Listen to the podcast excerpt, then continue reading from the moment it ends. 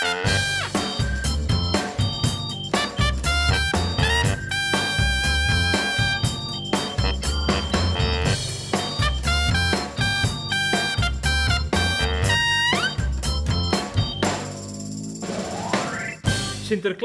is inmiddels aangekomen in Spanje.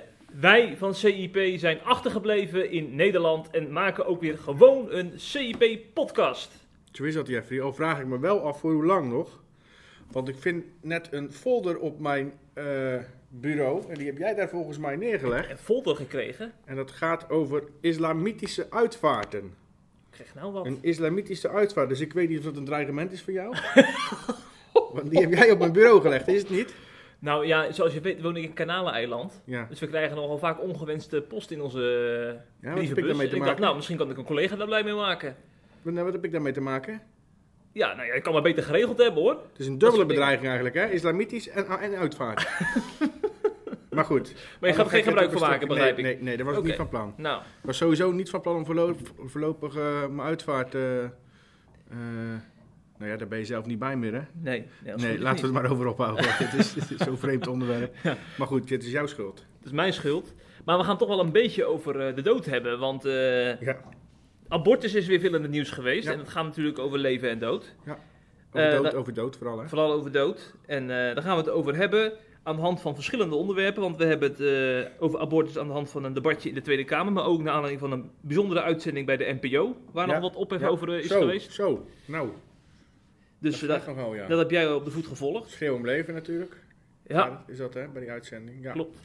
En een aantal mensen vragen zich af waarom zo weinig christenen die Bijbelbelt verlaten en naar de grote steden gaan. Met name Amsterdam wordt veel genoemd. Als je het over de dood hebt.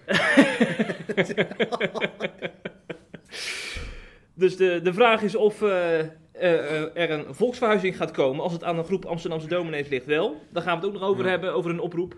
Maar we beginnen dus, zoals we eigenlijk bijna altijd beginnen, in Den Haag. Ja, Politiek waar, Den hè? Haag. Ja, dat beginnen we vaak. Ja, Ja, dat geeft toch aan dat wij toch wel beseffen dat de, de democratie zo belangrijk is voor ons landje. Hè? Dat we Ja. daar beginnen. Ja. Ja. En wie daarvan deel uit van maakt van die democratie, democratie, dat is natuurlijk Kees van der Staaij, SGP-voorman.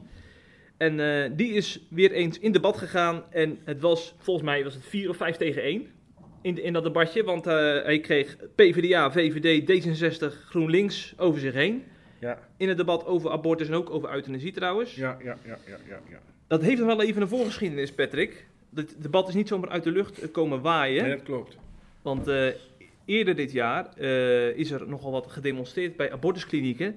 En dat is ook opgemerkt door één Vandaag. Die hebben daar uitgebreide reportages over gemaakt. En die hebben melding gemaakt over eh, intimidatie, bekladding en allerlei andere zaken waar vrouwen mee geconfronteerd werden die dus naar die abortuscentra gingen. En ook Stichting Stil om Leven werd ervan beschuldigd, herhaaldelijk in media. Mhm. En die hebben dat altijd ontkend, dat ze zich daaraan schuldig maken. Eh, volgens mij ook ehm, terecht, want er worden ook wel wat frames hier en daar eh, gebruikt Ja. om Stil om Leven ook zwart te maken. Ja. Eh, Kees van der Staaij neemt het ook voortdurend voor Stil om Leven op, hè, natuurlijk, als Ja, SGP-voorman. dat is natuurlijk logisch, hè? Ja, die spreekt ook voortdurend van een gebrek aan bewijs dat zij zich ook echt schuldig maken aan En die eh, framing. goddeloze praktijken. Framing heeft hij het ook over. Framing hè? ook vaak. Ja. En eh, minister Hugo de Jong heeft zich er zelf mee bemoeid eerder dit jaar van het CDA. Hij heeft gepleit voor bufferzones om die vrouwen bij die abortusklinieken te beschermen tegen ongewilde gesprekken. En eh, dat is natuurlijk nogal wat als een minister zelfs met dit soort voorstellen komt. Meestal krijgt hij een voorstel uit de Tweede Kamer en gaat het kabinet erop reageren. Maar in dit geval is het andersom. Dus blijkbaar is de nood hoog bij, eh, bij heel veel mensen. Ja, dat is natuurlijk wel nadat er heel veel anderen wel op aan hadden gedrongen, hè? Zeker. Dus die komt hij niet uit zichzelf mee, hoor. Het is een CDA, hè? Ja. Die komen nooit uit zichzelf met voorstellen. Ja, maar meestal zou je dat dan verwachten van bijvoorbeeld eh, een CDA-kamerlid als mevrouw, hoe noemt die uit Volendam, hoe heet ze? Mona Keizer. Mona. Keizer, Ja, Mona, Mona toetje. Sorry. heb ik ook nog eens op gestemd trouwens. Ineens Maar, aan Johan, Derksen denken. Ja? ja. Echt waar? Ja, in de ver verleden hoor. Oh, oh, ja, oh, in de ver Jeffrey, verleden. Ja. Dan kan je beter blanco stemmen. Maar dat is dus eh, eh, toch een stukje voorgeschiedenis van, van het debat dat vorige week plaats had gevonden over medisch-ethische ethische kwesties. Hm. En ehm, het lijkt me goed om even een fragmentje te horen. We hebben een beetje een indruk van hoe het debat eraan toe ging. Dit fragmentje gaat over Li- Lilianne Ploemen van de PvdA die in debat ging met Van der Staaij. help, daar komt ze weer. Daar is ze weer, ja. Uh, kijk, wij kunnen verschillend denken over um, de keuzevrijheid van vrouwen. Uh, dus laten we vaststellen, we denken daar anders over. Uh, maar de heer Van der Staaij zou het toch met mij eens moeten zijn dat wij demonstranten die vrouwen intimideren, die verschrikkelijke leuzen naar vrouwen roepen, dat we die eigenlijk best wel tot de orde zouden mogen roepen. Zou hij dat met mij willen doen? De heer Van der Staaij. Ik kom vooral veel lasten tegen en verdachtmakingen, weinig feiten. Ik ben ook nog weer duizenden mensen waren bij het Mars voor het Leven. Hoeveel rare borden heeft u gezien? Uh, of hebben anderen gezien? Er is juist heel veel bewustzijn dat je de zaak waarvoor je staat, betere bescherming van ongeboren leven, eigenlijk alleen maar verknalt. Als je daar uh, zulke uitingen aan doet, dat dat eigenlijk meer uh, discussie oproept en verontwaardiging oproept, dan dat je je punt maakt. Dus heel veel mensen, uh, die heb, ik heb ook hen, hen wel gesproken en gevraagd waarom willen jullie zo graag ook niet alleen naar de Mars voor het Leven komen, maar ook naar die abortusklinieken. Heel vaak kom je ook terug, ja, wij vinden het fijn, wij spreken ook mensen aan of zij inderdaad hulp willen bij achterliggende problematiek. En heel vaak is dat wel het geval en dat stimuleert hen ook om dat dus te doen. Uh, dus dat is hoe ik erin sta. Mevrouw Ploemen. Ja, voorzitter, dat laatste is, uh, laten we zeggen, de, het nieuwe uh, mantra van de anti-abortus demonstranten. maar dat was mijn vraag niet. Mijn vraag is, wil de heer Van der Staaij samen met mij en een aantal collega's veroordelen dat vrouwen zich geïntimideerd voelen door mensen die roepen, u heeft bloed aan uw handen, u bent een kindermoordenaar...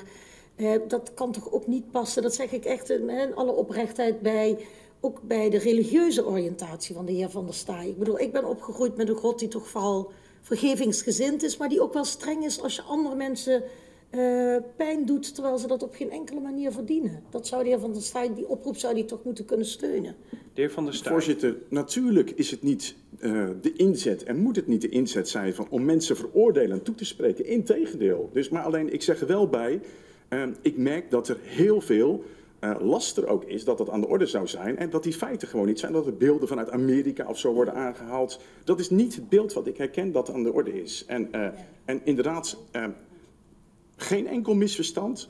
Ik vind dat mensen ten alle tijden respectvol tegemoet getreden moeten worden. Zo voer ik zelf ook gesprekken, ook met mensen die zeggen... nou, wij zijn ontevreden met jullie standpunten, ga ik graag over in gesprek. En nooit vanuit een veroordeling naar mensen toe, maar wel over van met, uh, met respect naar ieder mens... En tegelijkertijd, zoals we allemaal ook onze opvattingen hebben over wat hierin goed en kwaad is. Nou, kijk, dit is natuurlijk gewoon een wel eens niet een spelletje. Hè? Dus, dus, dus zij zegt, uh, die vrouwen worden geïntimideerd, die worden bedreigd, die krijgen de meeste de nare leuzen naar zich toe, hè, kindermoordenaar. Um, en Van der Staaij zegt gewoon, dat is overdreven, dat, dat is niet zo.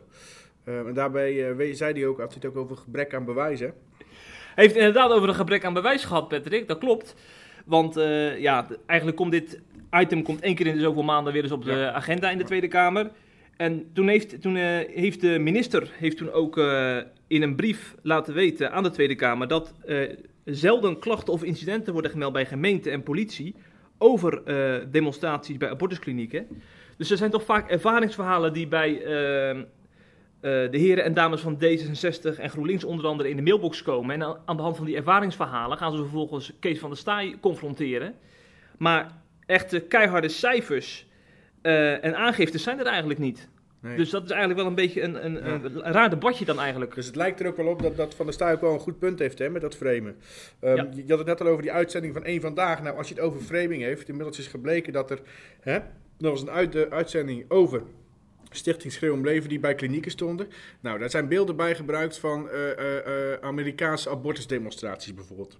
-hmm. Er zijn beelden bij gebruikt van klinieken waar Schreeuw om Leven helemaal niet staat. ja, dat is, dat is natuurlijk framing in optima forma. Ja. Want dat, als je, als je een, een item over schil om leven maakt, dan moet je beelden van schil om leven laten zien. En niet beelden van andere, misschien wel veel agressievere uh, uh, bewegingen die ook pro-life pro zijn. Dus dat, ja, ik vind dat heel kwalijk. En een vandaag, die uitzending van een vandaag, het was geloof ik ergens in januari.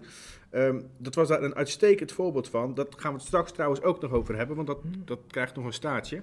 Um, bij het volgende item waar, waar, we het over abortus gaan hebben. Um, kijk, ik vind aan de andere kant dat we wel moeten voorkomen. Ga ik wel een klein beetje mee met um, de, de, tegenstanders, tussen aanhalingstekens van Van de Staaij. Um, dat we wel moeten gaan voorkomen dat we Amerikaanse toestanden krijgen hier. Hè?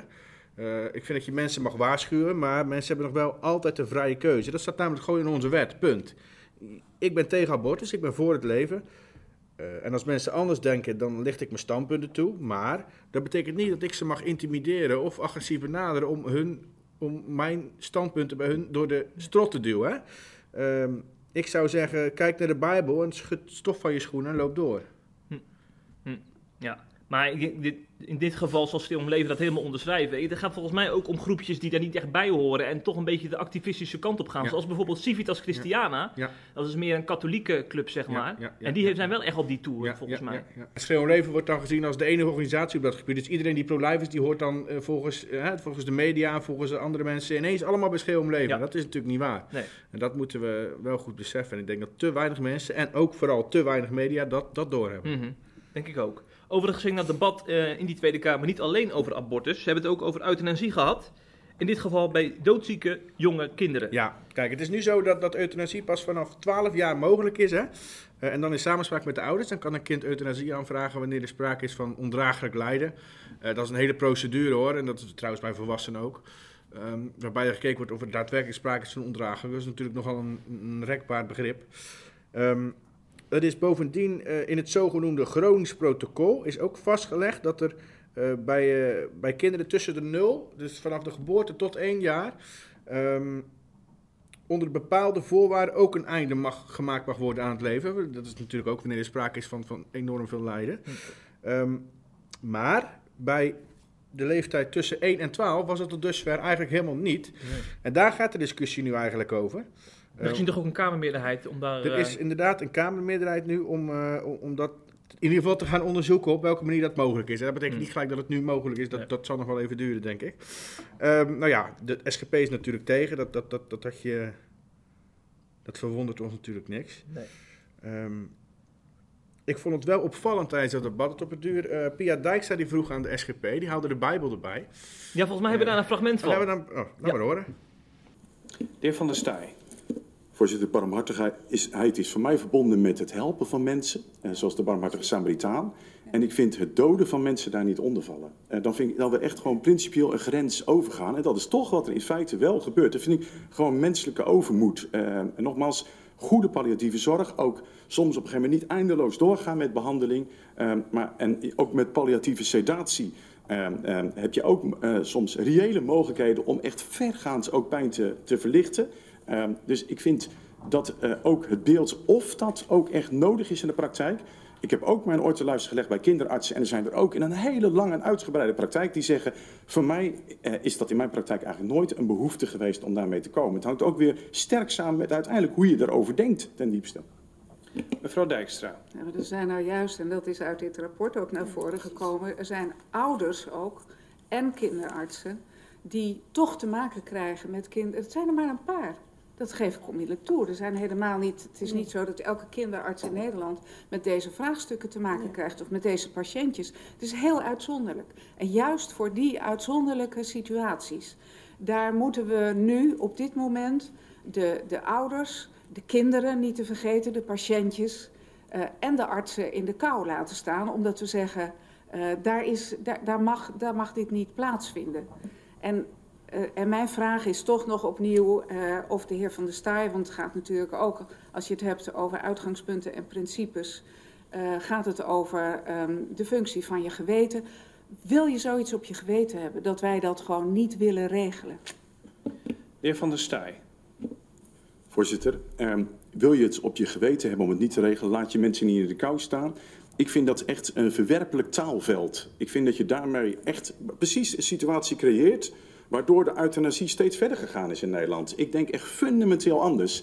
Ik vind het verschrikkelijk dat mensen in Nederland soms makkelijker aan hun euthanasie komen dan aan goede, passende zorg.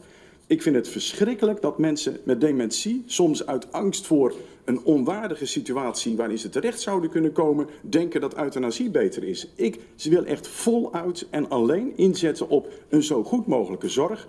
En ik weiger de verbinding te maken dat dat mensen in de kou uh, laten staan is. Ja, wat vond je dat opvallend aan, Patrick? Ja, nou, wat ik wel opvallend vind is... Um, uh, ja, kijk, Van der Staaij die zegt, dit, dit valt niet onder barmhartigheid. Hè? Die, die zegt zelfs, het valt onder menselijke overmoed. Dat vind ik nogal, nogal uh, heftig en nogal... alsof Van der Staaij niet doorhebt dat het echt... Dit gaat om kinderen, hè? dit gaat ja. om, om mensenlevens, niet zomaar om een, om een product... Uh, ik, hij, hij, mag voor mij wel wat empathischer zijn. Overigens staat ook CU, uh, uh, heeft CU zich er ook over uitgesproken. Hè? Die zijn ook tegen. Um, die zeggen, um, die zijn wat, wat voorzichtiger in de bewoordingen. Ja. de overheid kan niet alle gebrokenheid in, in, in ons leven herstellen met wetgeving. Stineke van der Graaf zei dat. En daarom zijn wij hier veel terughoudend in. En CU wil, wil veel, veel meer investeren in het stimuleren van palliatieve zorg voor kinderen. Uh, en ondersteuning van de artsen die met al dit soort dilemma's worstelen. Um, ja, kijk, die van de Staaij, ik, ik, ik, ik erg me de laatste tijd een beetje aan. Ik, ik vond het altijd een hele grappige, leuke, adremme man met, met leuke bijdragers. Vooral tijdens de algemene beschouwingen. Maar hij lijkt me een beetje gefrustreerd de laatste maanden. Dat was ons al opgevallen bij Kuzo, hè? Bij, of bij Denk. Uh, en nu weer. Um, kijk, ik vind het prima, dat standpunt. Ik onderschrijf het ook voor het grootste gedeelte. Uh, als, het, als het aankomt op euthanasie en abortus. Maar er mag wel enigszins empathie zijn, hè? Um, menselijke overmoed klinkt zo hard, zo, zo, zo, zo kil. Het komt er mij ook heel gemakkelijk over, terwijl het een heel gevoelig en teer onderwerp is. Ik bedoel, ga jij maar eens tegen de ouders van een kind dat elke dag ligt de gillen van de pijn zeggen dat het menselijke overmoed is om dat kind uit het lijden te verlossen. Want dat is het, hè? Het is niet een product wat je even uit de supermarkt haalt. Het, het gaat om kinderen die dag in, dag uit ondraaglijk lijden. En dat jij als ouder moet dat toezien. En je kan letterlijk niks doen. Mm -hmm. En als er dan uh, mensen zeggen, nou misschien is het idee om die kinderen uit te lijden te verlossen, helemaal als er geen uh, um, uh, uitzicht is hè, op leven of op een beter leven, dan ga je, spreekt Van de Staaij over menselijk overmoed. Begrijp me goed, ik, ik, ik, ik pleit hier niet voor euthanasie hoor. maar ik vind het wel een heel gevoelig en moeilijk onderwerp. En ik vind dat het te makkelijk is om zo keihard te zeggen, nee hoor, dat mag niet. Allemaal menselijk overmoed, overmoed punt. Nou, hij plaatst natuurlijk ook tussendoor wat nuance in het hele debatje hè, met, die, met Dijkstra en met die... Uh, mevrouw van GroenLinks. Ook wel van, uh, ik begrijp wel dat dat lijden heel erg heftig is voor ouders. Begrijp, dat begrijpt hij echt wel. Maar hij kiest inderdaad wel wat stevige woorden inderdaad. Maar zo komt hij op mij niet over alsof hij het begrijpt. Hm. Nou, komt dat, dat maar komt het door, door, zijn toon? Of komt door de manier waarop hij erover debatteert en de woorden die hij kiest. Ja. Ja, dat ja. komt op mij over alsof hij, nou, wat ik net al zei, heel weinig empathie op, op, op, op dit onderwerp. Ja. Um, maar goed, ik, aan de andere kant, het is natuurlijk ook lastig om tegen te zijn en empathie te tonen. Jawel, dat is ook He? heel lastig. Ja. En eigenlijk, als je empathie toont, moet je bijna al vrijwel direct voor zijn. Hm. Hm. Dus dat is, dat is heel moeilijk. Dus ik begrijp dat het een heel moeilijk en teer onderwerp is. Maar goed, hij komt op mij een beetje kil over de laatste tijd, laat ik het zo zeggen. Ja, ja. Ik bedoel, hè, hij zegt het nu heel, heel, heel zo bam, zakelijk in zo'n debat. Maar wat ik net zeg, ja, kijk die vader en die moeder maar eens in de ogen, hè, die hun kind iedere dag zien lijden. Hij gaat het dan nog eens zeggen. Ik denk dat het dan een heel stuk moeilijker is. Ja, ja zeker. Eigenlijk zou, uh, voordat we hierover debatteren, eerst een groot interview of zo met een van die ouders moeten zien die, die zo'n kind hebben. En dan erover praten. Dan praat je al op een hele andere manier erover, ja, denk ik. denk ik ook, ja. ja. En het kan natuurlijk ook gewoon zo zijn dat Van der Staaij, laten we eerlijk zijn, aan vakantie toe is. Want die man heeft wel hele drukke tijden. Dus ga geen week voorbij of ik zie allemaal YouTube-filmpjes met allemaal debatten van die Van der Staaij. Het kan ook gewoon een beetje zo, zoiets zijn van, ik moet eventjes er tussenuit. Ja, dat Zo kwam die ook wel ja, een beetje over. Misschien moet hij lekker gaan skiën met de kerst. Skiën, ja. Ja, ja. Je nog een leuke locatie om te skiën? Uh, genoeg. Ja? Als hij niet te ver weg wil, kan hij naar Winterberg. Winterberg, ja. Winterberg, ja. Dan kun je toch gelijk nog uh, Maarten Luther en zo uh, geschiedenis uh, bekijken. Toch nou, in de buurt, geloof mij, geloof mij nou, Jeffrey, als je gaat skiën, dan heb je niet meer de puff om daarna meer te doen dan bier te drinken en te eten, hoor. Nee, houd dat op. Of glühwein natuurlijk. Ja, ja. Misschien is het ook nog wel tussendoor tijd voor een heerlijk kerstlied, Patrick. Want we zijn, leven natuurlijk ook nu in de tijd... Heb je trouwens uitgepraat? Had je nog meer te zeggen over het debat? Nee hoor, oh. dat was zo. We hebben leven natuurlijk nu ook een tij, in, in, de tijd tussen Sinterklaas en uh, kerst. En dat betekent dat er weer allerlei kersthits op YouTube verschijnen.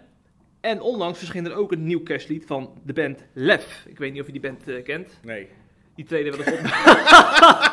Heb je al lef om dat te zeggen, hè? Maar... Oh, wat slecht ook. Wat een slechte grap. Lef treedt tegenwoordig ook op bij Stichting Opwekking. De grote opwekkingsconferentie. Dus het is een invloedrijke, populaire band. Hmm. En we gaan even luisteren naar een kerstliedje van Lef om in de stemming te komen. Zo voor de kerstdagen. Jezelf verschuilen hoeft niet meer.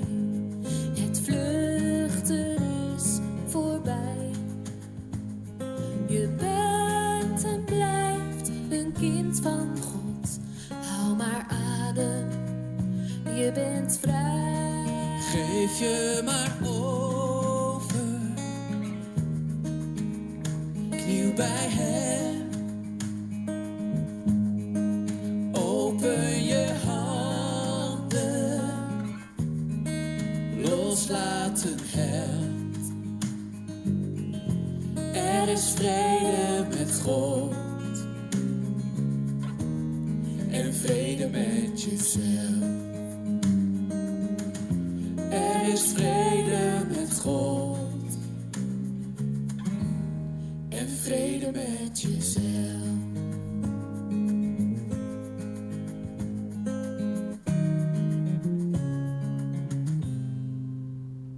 Nou, prachtig Jeffrey.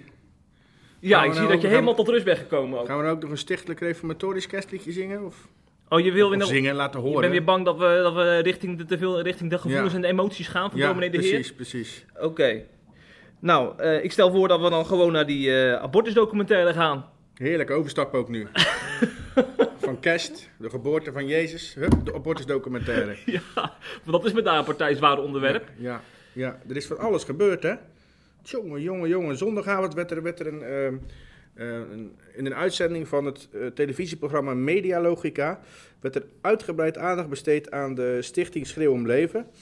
Ehm, daarbij kwam directeur Kees van Helden eh, regelmatig aan bod. Eh, wij hebben, naar aanleiding van die tv, tv-uitzending... eh, ontstond er de nodige ophef? We hebben met verschillende betrokken personen gepraat. Het is misschien goed om eerst even kort uit te leggen wat er nou precies aan de hand was. Eh, die uitzending die ging over de beeldvorming rondom abortus. En dan aan allebei de kanten. Dus aan de ene kant kwam Schreeuw om Leven aan bod. En aan de andere kant het Humanistisch Verbond. Die natuurlijk heel erg pro-abortus zijn. Eh, al zouden ze zelf zeggen pro-vrije keuze. Maar zij weigeren ook om pro-life te zeggen plek voor anti-abortus. Dus dat doe ik ook niet. Ehm, overigens opvallend. Het programma is gemaakt door een afdeling van het Humanistisch Verbond zelf. Dus je kan direct al je vraagteken zetten bij de objectiviteit eh, van het programma. Ehm, het gaat vooral over de wijze waarop Schreeuw om Leven te werk gaat. En, en dat vond ik wel opvallend, daarbij komt een oude documentaire van Bert Doornbos, die de stichting heeft opgericht, oud-voorzitter van de Evangelische Omroep ook. Ja. Ehm, er komt een oude documentaire van hem aan de orde. Eh, dat is de documentaire Evolutie, Auschwitz en Abortus. En in die documentaire maakt hij het vergelijk tussen de holocaust en abortus. Altijd pijnlijk als ze Dat is vergelijken. heel pijnlijk, ja. En eh, hij gaat daarin best ver hoor. Hij bezoekt bijvoorbeeld eh, Auschwitz en dan mon- monteert hij die, die modelletjes die schreeuw om leven, waar ze bekend mee zijn geworden, die modelletjes van foetussen, die monteert hij dan in verbrandingsovens. Ehm, hij heeft bijvoorbeeld eh, de tekst boven de, boven de poort van Auschwitz, arbeid mag vrij, dat heeft hij vervangen door abortion make free. Dus hij maakt echt wel één op één de vergelijking tussen de holocaust en abortus. Na de uitzending stond er direct, ontstond er direct eh, ophef, wat op zich vreemd was, want het is wel goed om te vertellen. De documentaire is acht jaar oud, 2011 is hij gemaakt. 2011. Dus, ehm, en er is toen die gemaakt was, is er ook al ophef over geweest overigens, Hmm. direct daarna eigenlijk al. Vooral Joodse organisaties kwamen natuurlijk in opstand. Vervolgens hebben ze, hebben ze gezegd, hebben ze toegegeven, joh, dat was niet verstandig van ons, was niet slim. Eh, we hebben te weinig rekening gehouden met mensen die, die, die door de holocaust, hè, Joden, maar ook andere, Ja. andere, andere mensen die, die, die, die veel te maken hebben gehad met vernietigingskampen. Ehm, dom van ons, we halen het eruit. De documentaire is direct toen ook verwijderd. Nou, vervolgens is het eigenlijk het leven doorgekabbeld. Ehm, en nu kwam dus, tijdens deze uitzending haalden ze ineens die, die oude documentaire erbij. En hebben ze die, eh, zeggen ze in ieder geval, dat ze, die, dat ze die beelden ook aan Auschwitz hebben laten zien. Ehm, en die zijn daar... ehm, Herdenkingskamp eh, Auschwitz. ja, ja, Ja. en die zijn daar eh, enorm boos over. En eigenlijk heeft alles te maken met misleiding. Iedereen voelt zich misleid. Ja. Auschwitz voelt zich misleid. Ehm, de makers van het programma voelen zich eh, namens het Nederlandse volk misleid door Schreeuw om Leven. En Schreeuw om Leven voelt zich weer misleid door de makers van het programma. Klinkt allemaal heel ingewikkeld, ga ik kort uitleggen.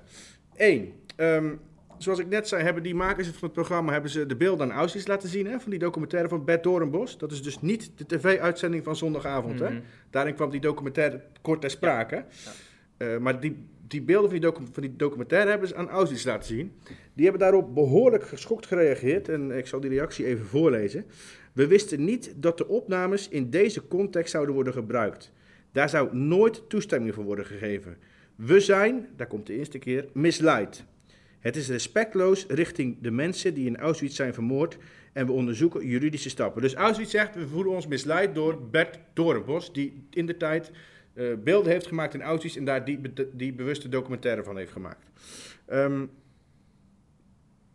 overigens vertelde Kees van Helden hierover. Ik heb hem gebeld natuurlijk. De huidige directeur van Steon Ja, ja, ja. En die, die, die zegt het vreemd te vinden dat de, deze reactie van Auschwitz, die ik net quote, ehm, eigenlijk alleen in tekst te zien is. Hij zegt dat dit zijn geen, ieder, alle betrokkenen worden geïnterviewd, gesproken.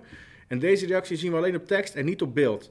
Hij zegt, ik heb ook geen e-mail gezien, geen andere teksten. Dus het, hij kwam een beetje over alsof hij twijfelde aan die verklaring van Auschwitz. Oké, oké. Nou weet ik niet of we dat... Of dat dat lijkt me eigenlijk sterk, want dan gaan ze niet zomaar in het programma zetten. Maar goed, dat, dat, zo kwam hij een beetje over. Doornbos, die reageerde hier ook al op, die heb ik ook gesproken. Ehm, die zei eh, dat hij het vreemd en kinderachtig vond, omdat die documentaire, die oude documentaire, nu plotseling weer bovengehaald wordt. Terwijl het eigenlijk al...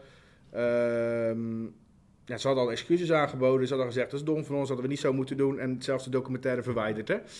Dus een beetje kinderachtig en flauw om dat nu weer boven te halen om om leven zo te gaan framen. Goed, dat was dus misleiding 1.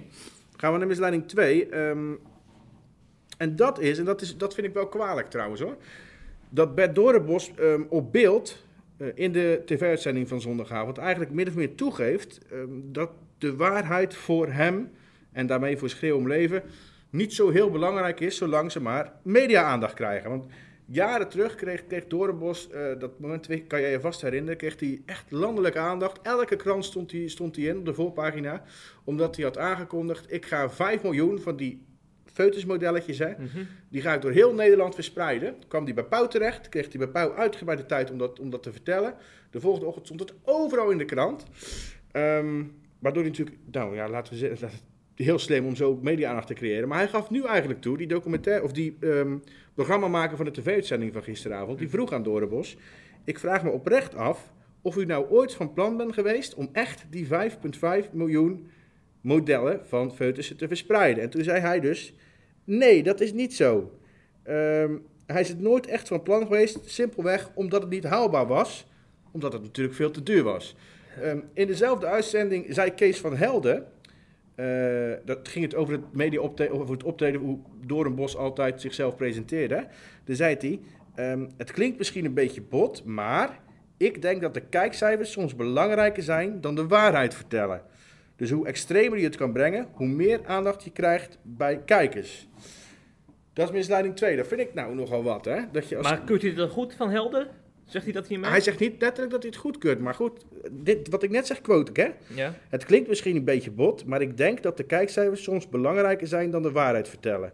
Hoe extremer je het kan brengen, hoe meer aandacht je krijgt bij kijkers. Eigenlijk zou je kunnen zeggen, hij keurt het goed, ja. Ik denk dat kijkcijfers soms belangrijker zijn dan de waarheid vertellen.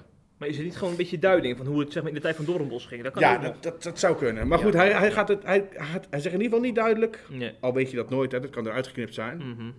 Eh, maar hij zegt in ieder geval niet duidelijk dat hij het afkeurt. Ik vind het in ieder geval een vreemde gang van zaken voor, Ja. voor een christelijke organisatie en voor een eh, christelijke voorzitter ehm, van zo'n pro-life organisatie. Hm. Dat hij het ook gewoon zelf toegeeft, hè? dat hij dat nooit van plan is geweest, en dat hij eigenlijk alleen maar bezig was met media-aandacht. Dat is toch een beetje, ja, vals spelen, hè? Vind ik eigenlijk nog groter nieuws eerlijk gezegd dan, Ja. eh, dan die oude koe die Ja, we nu al bespreken precies, een eh, precies. aantal minuten. Precies. En dan komt eh, misleiding 3. dat komt vanuit de kant van Schreeuw om Leven richting eh, de programmamakers. Hè? Want die voelen zich ook weer misleid. Dus we hebben, we hebben dus één. eh Auschwitz die zegt we zijn misleid op Bert Doornbos met die documentaire vroeger. Eigenlijk een beetje oude koeien. Alleen het schijnt dat Auschwitz er nooit van op de hoogte is geweest. En het nu pas weet. We hebben twee. ehm, de ophef ehm, dat de programmamakers zeggen Bert Doornbos eh, jij hebt eigenlijk altijd, jij hebt eigenlijk toen met, dat, met die 5,5 miljoen foetussen die je wilde spreiden, de boel misleid, fake nieuws Mhm. gebruikt om aandacht te creëren. Drie is dat Kees van Helden stelt dat hij door die programmamakers van het televisieprogramma van zondagavond is misleid. Ja, ja. Ehm, hij, ze- hij vertelde me, ik heb hem daar uitgebreid over gesproken, eh, dat ze eigenlijk min of meer met valse voorwenselen bij Schreeuw om Leven binnenkwamen. Ehm, ze vertelde hem bijvoorbeeld dat ze allebei bij één vandaag hadden gewerkt. Onder andere ehm, hè, die, document, of die eh, uitzending waar we het net over hadden, over Schreeuw om Leven. Ja.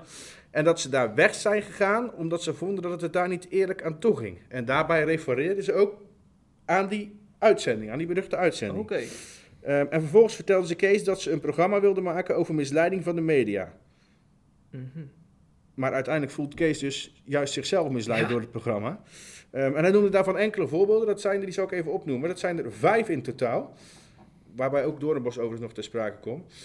Allereerst zei Kees, um, Schreeuw om Leven werd opnieuw, daar ergert hij zich wel vaker aan, uh, geframed als anti-abortus in plaats van pro-life. En dat vindt hij heel belangrijk, omdat, Hmm.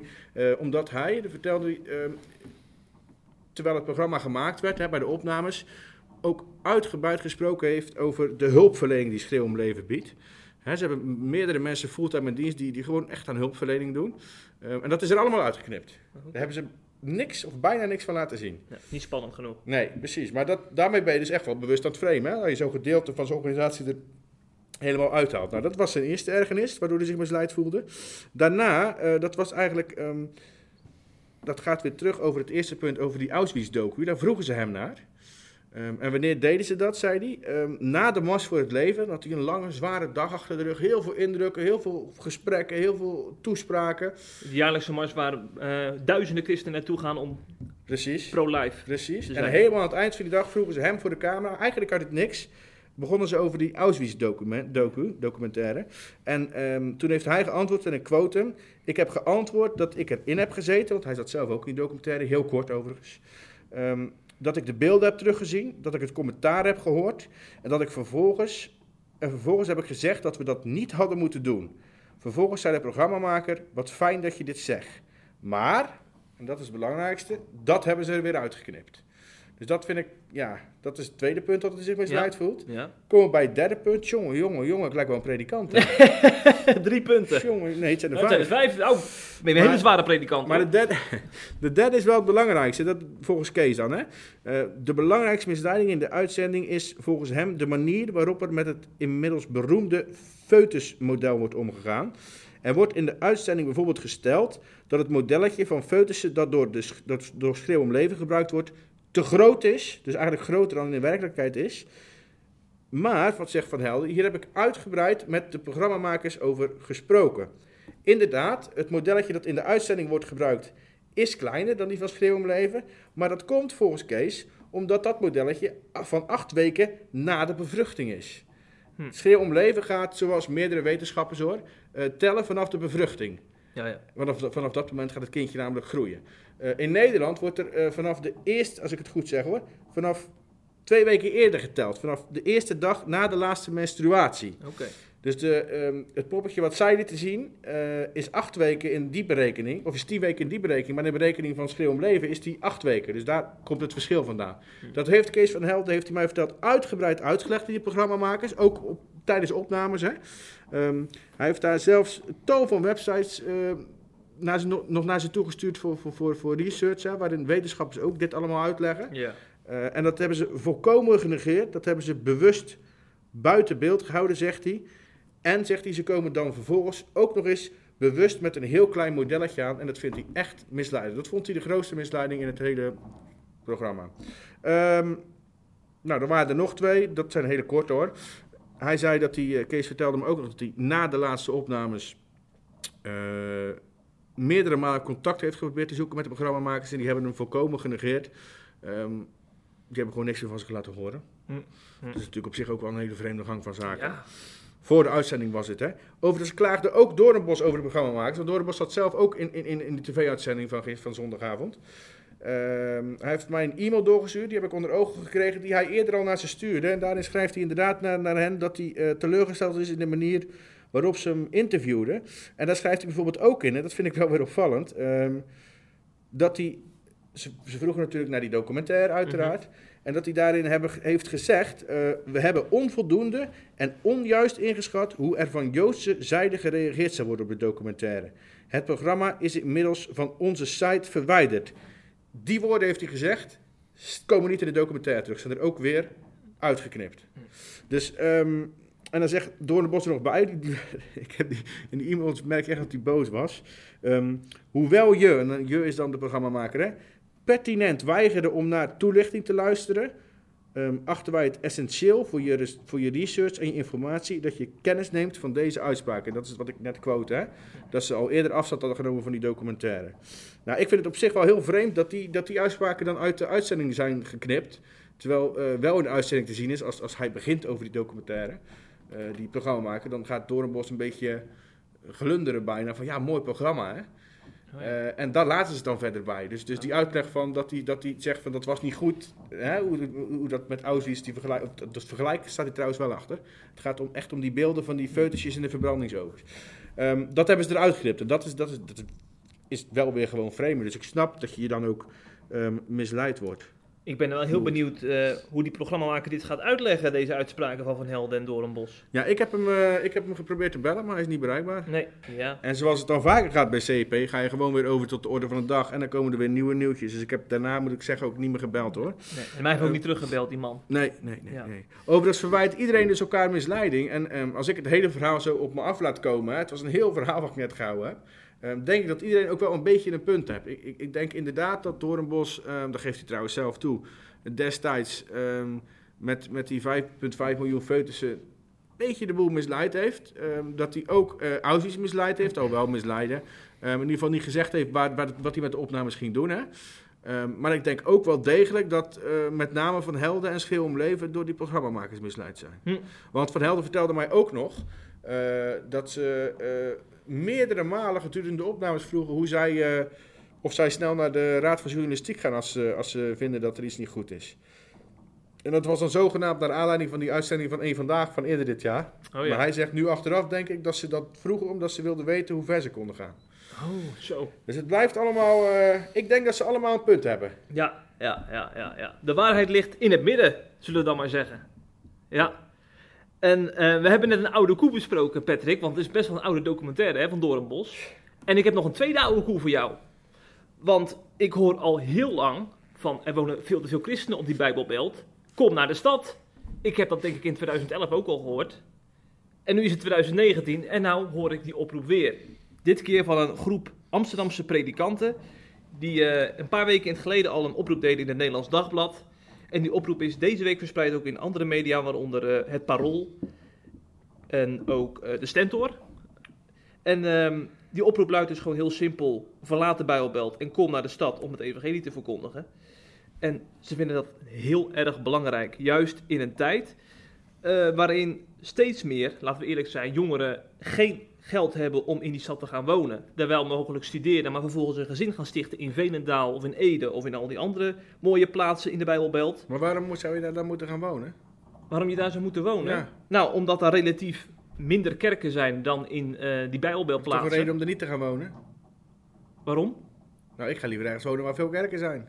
Ja, ja, dat is inderdaad een, een argument die ik ook vaak hoorde terugkomen toen ik een rondje deed om de mensen op de Bijbelbelt. Ja, ja dat klopt. Daar komen we inderdaad nog op. Ehm, maar om hier even bij, bij terug te komen bij die groep Amsterdamse predikanten. Ehm, zij vinden het dus toch wel nood, noodzakelijk om de noodklok te luiden. En zij geven daar ook een aantal adviezen bij. Misschien kunnen we die wel ter harte nemen. Want het zijn natuurlijk wel predikanten die echt hard voor de zaak hebben. Die hebben hier verder geen belang bij of zo. Dat, eh, eh, het, is, het is natuurlijk wel echt voor de goede zaak. En ehm, laten we die gewoon even langs gaan, zou ik zeggen. Eén. Eh, een verhuizing met minder hoge eisen in ieder geval overwegen. En dan niet, geen hoge eisen stellen aan dus het aantal kamers of het aantal eh, eh, vrije parkeerplaatsen voor je huis. Maar denk bijvoorbeeld aan Abraham die van Ur der Galdeeën ging naar het beloofde land en in een tentje verbleef. Ja, gewoon wat minder comfortabel wonen. Dat kun je toch in ieder geval overwegen. Twee, als grote kerk in de Bijbelbelt leden uitzenden naar kwetsbare gebieden. Ik noem maar wat. We hebben nou eh, de laatste jaren veel over de Schilderswijk gehad hè, in Den Haag. Dat is een eigen wijk waar je een k- christen naar kan uitzenden. Maak je even eh, wat geld vrij en hup gaan. Met die banaan, zou ik zeggen. Ja, het is, ja. En eh, nog een derde. Doe als ouders een woningruil met je kinderen of kleinkinderen die de stad willen verlaten en op zoek zijn naar meer ruimte. Dus ja, je kan je ouders bij betrekken, die hebben over het algemeen toch wat meer centen te makken hè, dan de kleinkinderen. Of laat christelijke beleggers investeren in vastgoed, gericht op christelijke presentie op de plekken waar dat nodig is. Ja, dan kun je ook nog eens die zakenwereld erbij betrekken. Hebben, daar hebben toch ook nog heel wat eh, mannen van lopen in eh, de Bijbelbelt, die wat ja maar dit, dit, spaarpotjes dit, hebben. het, dit, dit klinkt een beetje alsof zeg maar, het, het reguliere Amsterdamse denken aan het doordringen is in het christelijke Amsterdamse denken. Van wij zijn Amsterdam en alles draait om ons en iedereen moet naar ons komen of zoiets. Komt dat op jou zo over? Zo komt die het oproep? over, ja. Zo komt het over. Ja, maar die hebben natuurlijk eh, eh, de mensen voor ogen die no- nooit een kerk zien en alleen maar... eh, Dan moeten ze naar die mensen toe. Dan moeten ze niet naar de mensen in de Bijbelbel toe. en zeggen denk je dat ze mee bezig zijn? Het zijn allemaal mensen die met pionieren Ja, bezig maar zijn in die moeten ze stad. daar gaan pionieren. Waarom moeten ze dan mensen in de Bijbelbelt oproepen om naar Amsterdam te komen? Ik begrijp het oprecht niet. Nou, als ik nou even kijk naar mijn eigen wijk. Onze, we hebben een evangelist die, die door de week heel erg druk is in onze kerk en met het evangeliseren en met een netwerkje opbouwen. Maar hij heeft ook maar twee handen. En ik kan me voorstellen, als je een gemeente hebt met allemaal stabiele gezinnetjes en zo, waar je huisgroepen kan starten, waar je, eh, waar je ook een beroep op kunt doen als, als er praktische klussen moeten gebeuren in, in, in je kerk. Dan is het handig als er een gemeente is met allemaal mensen die ook gewoon geworteld zijn in dat evangelie. Maar waarom denk jij dat die gemeente, dat die gezinnetjes in Venendaal en in Barneveld eh, en in Ierseke en in Tolen, ehm, dat die allemaal, dat daar in die kerkelijke gemeente allemaal van die stabiele gezinnetjes zitten en in Amsterdam niet? Waarom, waarom dat zo is, bedoel je? Ja. Nou, ik denk omdat ze toch ook wel voor een gezin een veilige christelijke omgeving willen waar ze kunnen, opgroeien. Op Ik school. denk als jij al die gezinnetjes in Amsterdam gaat zetten, dat het binnen 25 jaar helemaal niet meer van die stabiele gezinnetjes zijn. Dat ze aan de drugs gaan, bedoel je bijvoorbeeld? Nou, dat is, Nou ja, Amsterdam dat is wel drugs. heel, heel, heel, heel eh, specifiek. Ja. Maar ik denk inderdaad wel ehm, dat je, zolang je in een hechte geloofsgemeenschap zit, dat, het, dat, dat je veel makkelijker eh, of, of minder snel van het geloof afvalt, of van de kerk afvalt, dan wanneer je in het Sodom en Gomorra van Nederland verblijft. Ja, Want laten we eerlijk wezen, dat is Amsterdam gewoon. ja. In één. Sodom en Gomorra in één. En we weten wat God tegen Lot zei hè, over Sodom en Gomorra. Weg, rennen, rennen, rennen, rennen. Niet omkijken. Dus ik zou zeggen, van, ik zou eigenlijk een omgekeerde oproep willen doen. Hmm. Alle christenen in Amsterdam, rennen naar die Bijbelbelt. Niet meer omkijken, want denk aan de vrouw van Lot. Dan word je een zoutpilaar. Zo. Nou, ik ben, ik ben blij dat de, dat de Joden in de tijd van handelingen heel anders dachten. En toch wel naar Europa zijn gekomen om helemaal gemeentes te stichten in Efeze en Colossense en in Korinthe en in, eh, in Rome zelfs. Ja, En vervol- vervolgens is het evangelie zelfs tot in Tolen gekomen. Hè? zelfs tot in Tolen. Dit, kijk, dit, is een, dit is echt weer zo'n Amsterdamse opmerking. zo'n Randstad-opmerking, hè, want jij bent ook zo'n Randstedeling. Zelfs tot in Tolen. Ja, wat nou? Bij ons zijn, bij ons zijn er- wij zijn christelijker dan heel dat Amsterdam hoor, of heel dat Utrecht hier. Ja, ja. Ongeveer in deze bewoordingen zal misschien professor van Vlasten je ook eh, eh, onderschrijven. Want ik heb een paar jaar geleden heb ik, eh, een rondje gedaan onder mensen die in de Bijbelbelt dominee zijn. Ja. Of, of in ieder geval wonen. En Van Vlastein woont dan in, eh, ergens in Overijssel of in Gelderland. En die heb ik ook gebeld. En hij eh, legt ook nadruk op het argument voor jou van, eh, dat het juist belangrijk is om eh, je gezin in een christelijke omgeving op te zien groeien. En hij, hij voegt er ook aan toe, dat is ook wel een belangrijk argument. Gemeenschap met broeders en zusters behoort tot de basisstructuren van Gods gemeente op aarde. Dus je kan natuurlijk ook er, er alleen voor komen te staan in een achterstandswijk. En juist als je inderdaad samen gemeente bent in Barneveld, Ja. dan kun je enorm groeien in je geloof natuurlijk door eh, met, die, met die gemeente op te trekken. Dat is voor hem ook een argument. Precies. Ik heb ook nog gebeld met eh, Jan van Dooyenweert. Hij is evangelist geweest in Tilburg, dus hij heeft het ook in praktijk gebracht, die oproep. Door dus buiten de Bijbelbelt zich te gaan vestigen. Ja, en, hij- dat- dat- precies, laat dat ook even duidelijk zijn. Ja. Buiten de Bijbelbelt is niet alleen Amsterdam. Nee, nee, nee, dat precies. is ook Noord-Brabant en Tuurlijk. Limburg en een hele andere Absoluut. halve wereld. Ja. Wat dat betreft is Nederland Ja. best groot hoor. Ja, En veel eh, groter dan Amsterdam. Jan van Dooyenweert noemt ook, benoemt ook eh, naïviteit dat erbij komt kijken. Ja. Want er is, een, laten we eerlijk zijn, een enorm cultuurverschil ook in ons eigen landje zelf. Hè. Je hebt vaak worden gesproken over het verschil van mensen boven de rivieren en onder de rivieren. Hè. Onder Ja. de rivieren zijn ze druk met carnaval en allerlei andere zaken. Nou ja, ik, ik, ja je, je vindt het zeg maar, je vindt het een uitvergroting waarschijnlijk. Ja, Maar. Nee, maar die cultuur moet je dus begrijpen als je van boven de rivieren je bijvoorbeeld in Limburg gaat vestigen, zegt hij. Want anders ga je daar gewoon niet trekken met je gezin. En dan komt het evangelie ook niet ten goede. Want dan ga je allerlei ergeren aan dat soort culturen. Absoluut. En het leuke is dat men dat, men dat, dat heeft hij echt gelijk in. Want eh, op moment, bij zendelingen wordt daar wel van tevoren heel erg aan gewerkt. Hè? Als ze naar een Ja. bepaald land worden uitgezonden, dan wordt er van tevoren heel erg veel eh, ge- eh, gedaan om de, de, degene die uitgezonden worden Ja. voor te bereiden op wat de cultuur in die land is en de taal en de gewoonten. Zeker. Zodat ze, dat, hè, zodat ze daar op een goede manier binnen kunnen komen. Maar op een of andere manier denken ze dan in het klein. Ja. Denken ze daar niet aan. Terwijl Hmm. eh, de cultuur tussen nou ja, Barneveld en Amsterdam is levensgroot verschil. Ja. Utrecht en eh, Goes is ook een levensgroot verschil. Snap je? Dus daar heeft die man helemaal gelijk in. Ja. Dominee Breugem, die ken jij, die Ja. spreekt wel eens eh, in Tolen, Ja, waar jij woont. Ja, dat klopt. Hij vond een predikant, inmiddels eh, werkzaam in, ik dacht, Hardingsveld. En hij legde ook de nadruk op het roepingsbesef. Dat is eigenlijk iets wat we wel onderschatten, vind ik, in deze tijd. We horen vaak als een dominee een beroep krijgt van... eh, ja, ik wil wel echt de stem van de Heer ervaren... want ik wil niet zomaar naar Katwijk omdat ik dat wil... maar ook omdat God daar echt wil hebben. Ja. En daar legt hij echt de nadruk op. Hij zegt, ik lees nergens terug in de Bijbel eh, dat volgelingen van Jezus naar een bepaalde regio zouden moeten verhuizen. Om strategische redenen. Wel lees ik dat er mensen met een bijzondere roeping zijn, zoals bijvoorbeeld Paulus, die eh, als zendeling werd uitgezonden naar andere gebieden. In handelingen verwijs ik dan naar. En ehm, daarbij maakten ze dus gebruik van eh, lokale mensen, bestaande structuren. En dat, dat, dat vind ik dus een hele andere benadering dan wanneer je dus inderdaad strategisch gaat denken Ja. en vervolgens allerlei mensen gaat uitzenden naar eh, bepaalde gebieden in Nederland. En dat onderstreept ook dominee Molenaar, zijn collega. Ik heb hem gevraagd van, ja, zou, zou- is dat niet wat voor u om daar in Ierseke, een Zielse mooi vissersdorp volgens mij, om uw gemeente daar eens, een deel van uw gemeente daar weg te sturen en eh, naar een dorp te gaan waar nog heel weinig kerken zijn. En hij zegt dus ook, dat ga ik niet doen.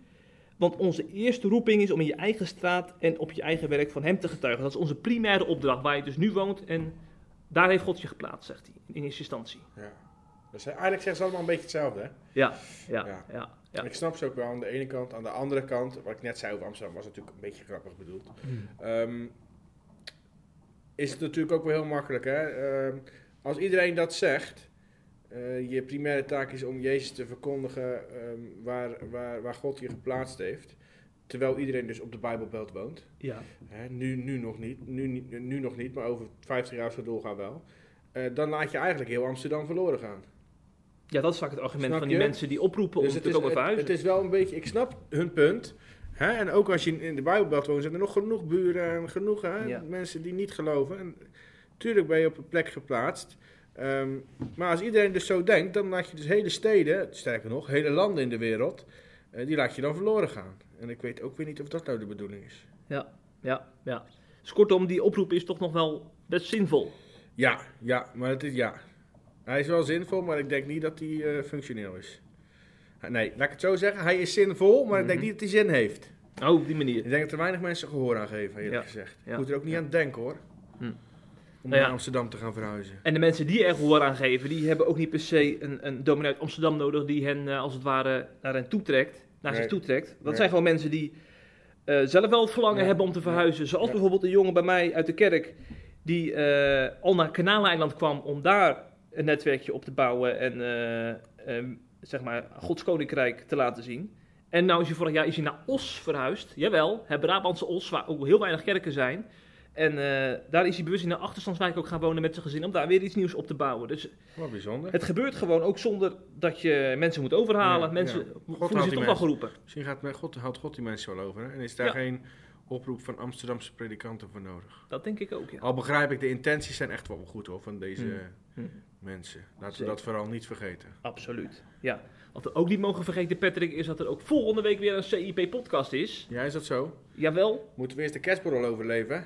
ja, donderdag hebben we een kerstborrel Ja. in Berg op Zoom. Ja, Het pand van onze eigenaar, ja. Rick Bokelman. Bij deze alvast bedankt Rick. Ik heb nu al zin in de bubbels. Ja, Maar laten we afsluiten, Jeffrey, want je hebt net zo'n eh, modern kerstliedje gehoord. Laten we nou afsluiten met een stichtelijk kerstnummer. ik kan het toch ook niet laten. Ik kan het niet laten. Dus ik zou zeggen, start hem in. Tot volgende week. Nou, vooruit dan.